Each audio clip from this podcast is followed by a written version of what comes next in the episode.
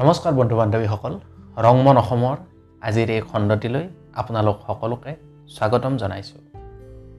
মৰমৰ বন্ধু বান্ধৱীসকল আমাৰ ভাৰতবৰ্ষখন হৈছে এখন অতিকে বিশালকায় দেশ।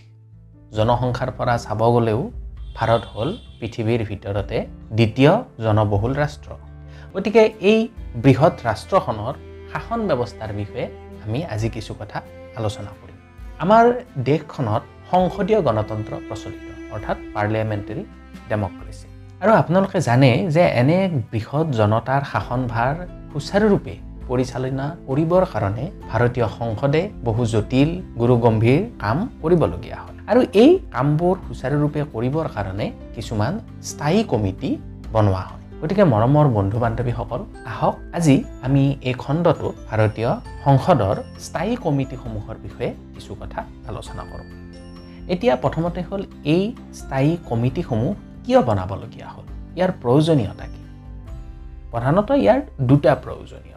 প্ৰথমটো হ'ল যে আমাৰ ভাৰতৰ দৰে সংসদীয় গণতন্ত্ৰত চৰকাৰ অৰ্থাৎ কাৰ্যপালিকা সংসদৰ ওচৰত অৰ্থাৎ লোকসভা বা ৰাজ্যসভাৰ ওচৰত দায়বদ্ধ হয়। যে চৰকাৰে নিজৰ মন মৰ্জিমতে কাম কৰিব নোৱাৰে তেওঁলোক কাক জবাবদিহি হয়? লোকসভা বা ৰাজ্যসভা। আৰু এইটোৰ কাৰণে কি হয়? লোকসভা বা ৰাজ্যসভাৰ সদস্যবিলাকৰ দ্বাৰা কি কৰা হয়? স্থায়ী কমিটি গঠন কৰা হয়। আৰু এই স্থায়ী কমিটিয়ে চৰকাৰৰ কাম কাজ পৰ্যালোচনা কৰে। গতিকে প্ৰথম কাৰণটো আমি গম পালোঁ যে সংসদীয় গণতন্ত্ৰত চৰকাৰ সংসদৰ জবাবদিহি আৰু সেইকাৰণে এই চৰকাৰক কাম কাজ পৰ্যালোচনা কৰাৰ বাবে স্থায়ী কমিটিসমূহ বনোৱা হয়। এতিয়া দ্বিতীয় কথাটো হ'ল যে ভাৰতৰ দৰে ইমান বৃহৎ জনসংখ্যাৰ দেশ এখনৰ শাসনভাৰ বা নীতি নিৰ্ধাৰণ এই আটাইবিলাক কাম কাজ সুচাৰুৰূপে কৰাৰ কাৰণে সংসদৰ ওচৰত সময় বহুত কম। হয় গতিকে এই কামবিলাক সুচাৰুৰূপে কৰিবৰ কাৰণে কি কৰা হয়? স্থায়ী কমিটিসমূহ বনোৱা হয়। এতিয়া আহক আমি এই স্থায়ী কমিটিসমূহৰ ইতিহাস সম্পৰ্কে কিছু কথা চাওঁ। চাব গ'লে ঊনৈছশ ঊননব্বৈ চনৰ আগলৈকে এনে কোনো স্থায়ী কমিটি ভাৰতত নাছিল। কিন্তু ঊনৈছশ ঊননব্বৈ চনত প্ৰথমবাৰৰ কাৰণে তিনিখন স্থায়ী কমিটি বনোৱা হৈছিল কি কি বিষয়ক লৈ? মুঠতে তিনিটা বিষয়।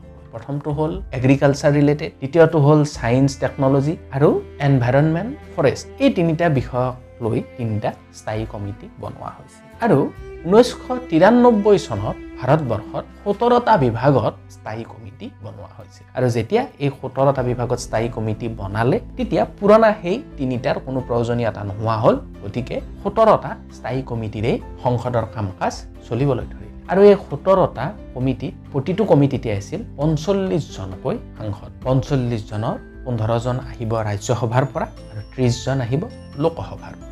এনেকৈ চলি আছে। কিন্তু দুহেজাৰ চাৰি চনত কি হ'ল? এই বিভাগীয় স্থায়ী কমিটিৰ সংখ্যা ঊনৈছশ তিৰান্নব্বৈ চনত যি সোতৰটা আছিল সোতৰটাৰ পৰা বঢ়াই দি চৌব্বিছটা কৰি দিয়া হ'ল। ঠিক আছে? আৰু আগতে কি আছিল? ঊনৈছশ তিৰান্নব্বৈ চনৰ কি সিদ্ধান্ত লোৱা হৈছিল? যে প্ৰতিটো কমিটিত পঞ্চল্লিছজনকৈ লোক থাকিব। কিন্তু সেইটো দুহেজাৰ চাৰি চনত সলনি কৰি একত্ৰিছজনলৈ কমাই দিয়া হ'ল। এই একত্ৰিছজনৰ দহজন আহিব ৰাজ্যসভাৰ পৰা আৰু একৈছজন আহিব লোকসভাৰ পৰা। আৰু তেতিয়াৰ পৰা এতিয়ালৈকে বিভাগীয় স্থায়ী কমিটি হ'ল চৌব্বিছটা এতিয়া হ'ল ইহঁতৰ কাৰ্যকাল কিমান? এই স্থায়ী কমিটিবিলাকৰ কাৰ্যকাল হ'ল এক বছৰ। ঠিক আছে?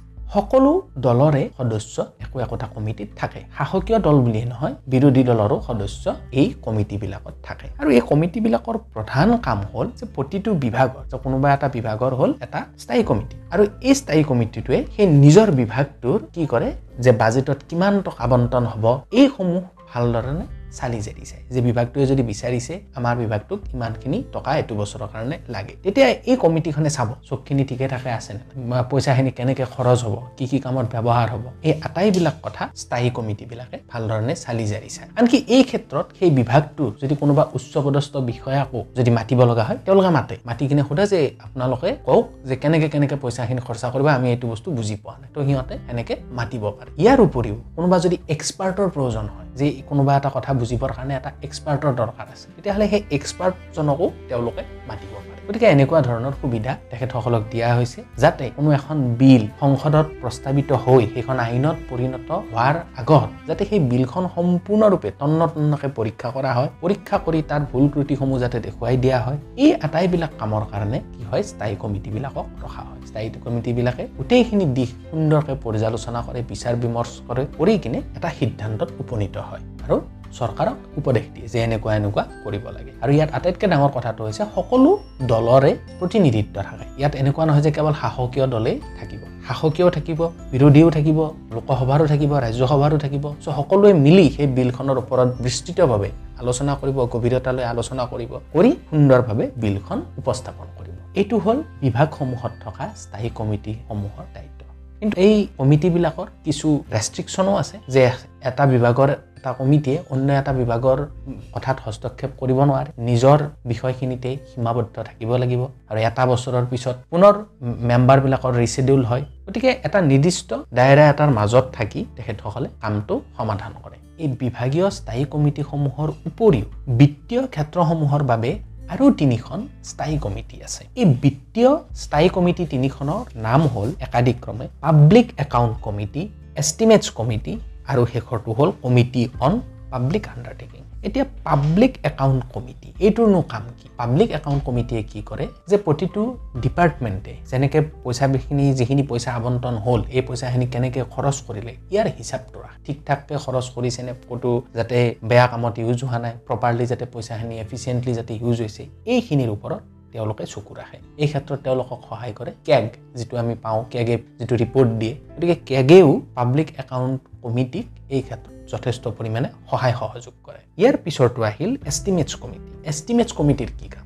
এষ্টিমেটছ কমিটিৰ এইটো কাম যে কেনেকৈ চৰকাৰৰ খৰচাটো কমাব পাৰি। চৰকাৰে নিজৰ খৰচাটো দেখুৱাই বাজেটত উত্থাপন কৰিলে যে আমি ইমানটো বিভাগত আমি এনেকৈ আমাৰ পইচা খৰচ হ'ব। গতিকে এষ্টিমেট কমিটিয়ে এইটো চাই যে ক'ৰ বেছি পইচা সোমাইছে আমি ক'ৰ পৰা পইচাটো অলপ কমাব পাৰোঁ ধন ৰাহি কৰিব পাৰোঁ। গতিকে এষ্টিমেট কমিটিৰ কামটো হ'ল ধন যাত কেনেকৈ ৰাহি কৰিব পাৰি। আৰু বাজেট যিটো উত্থাপন যিটো হ'ব বাজেট উত্থাপন হোৱাৰ পিছত কিছুদিনৰ এক বিৰতি লোৱা হয়। গতিকে এই সময়খিনিত এষ্টিমেটছ কমিটিয়ে ভালদৰে বাজেটখন পৰ্যালোচনা কৰে আৰু এক বিস্তৃত ৰিপৰ্ট তৈয়াৰ কৰে। ইয়াৰ পিছৰ অৰ্থাৎ শেষৰটো বিত্তীয় কমিটি হ'ল কমিটি অন পাব্লিক আণ্ডাৰটেকিং এইবিলাকে কি কৰে? যিবিলাক পি এছ ইউ কোম্পানী আছে চৰকাৰী যিবিলাক কোম্পানী আছে সেইবিলাকৰ বিত্তীয় লেনদেন এইবিলাকৰ ওপৰত নজৰ ৰাখে। যাতে এই কোম্পানীবিলাকৰ বিত্তীয় লেনদেনত কোনো ধৰণৰ সমস্যাৰ সৃষ্টি নহয়।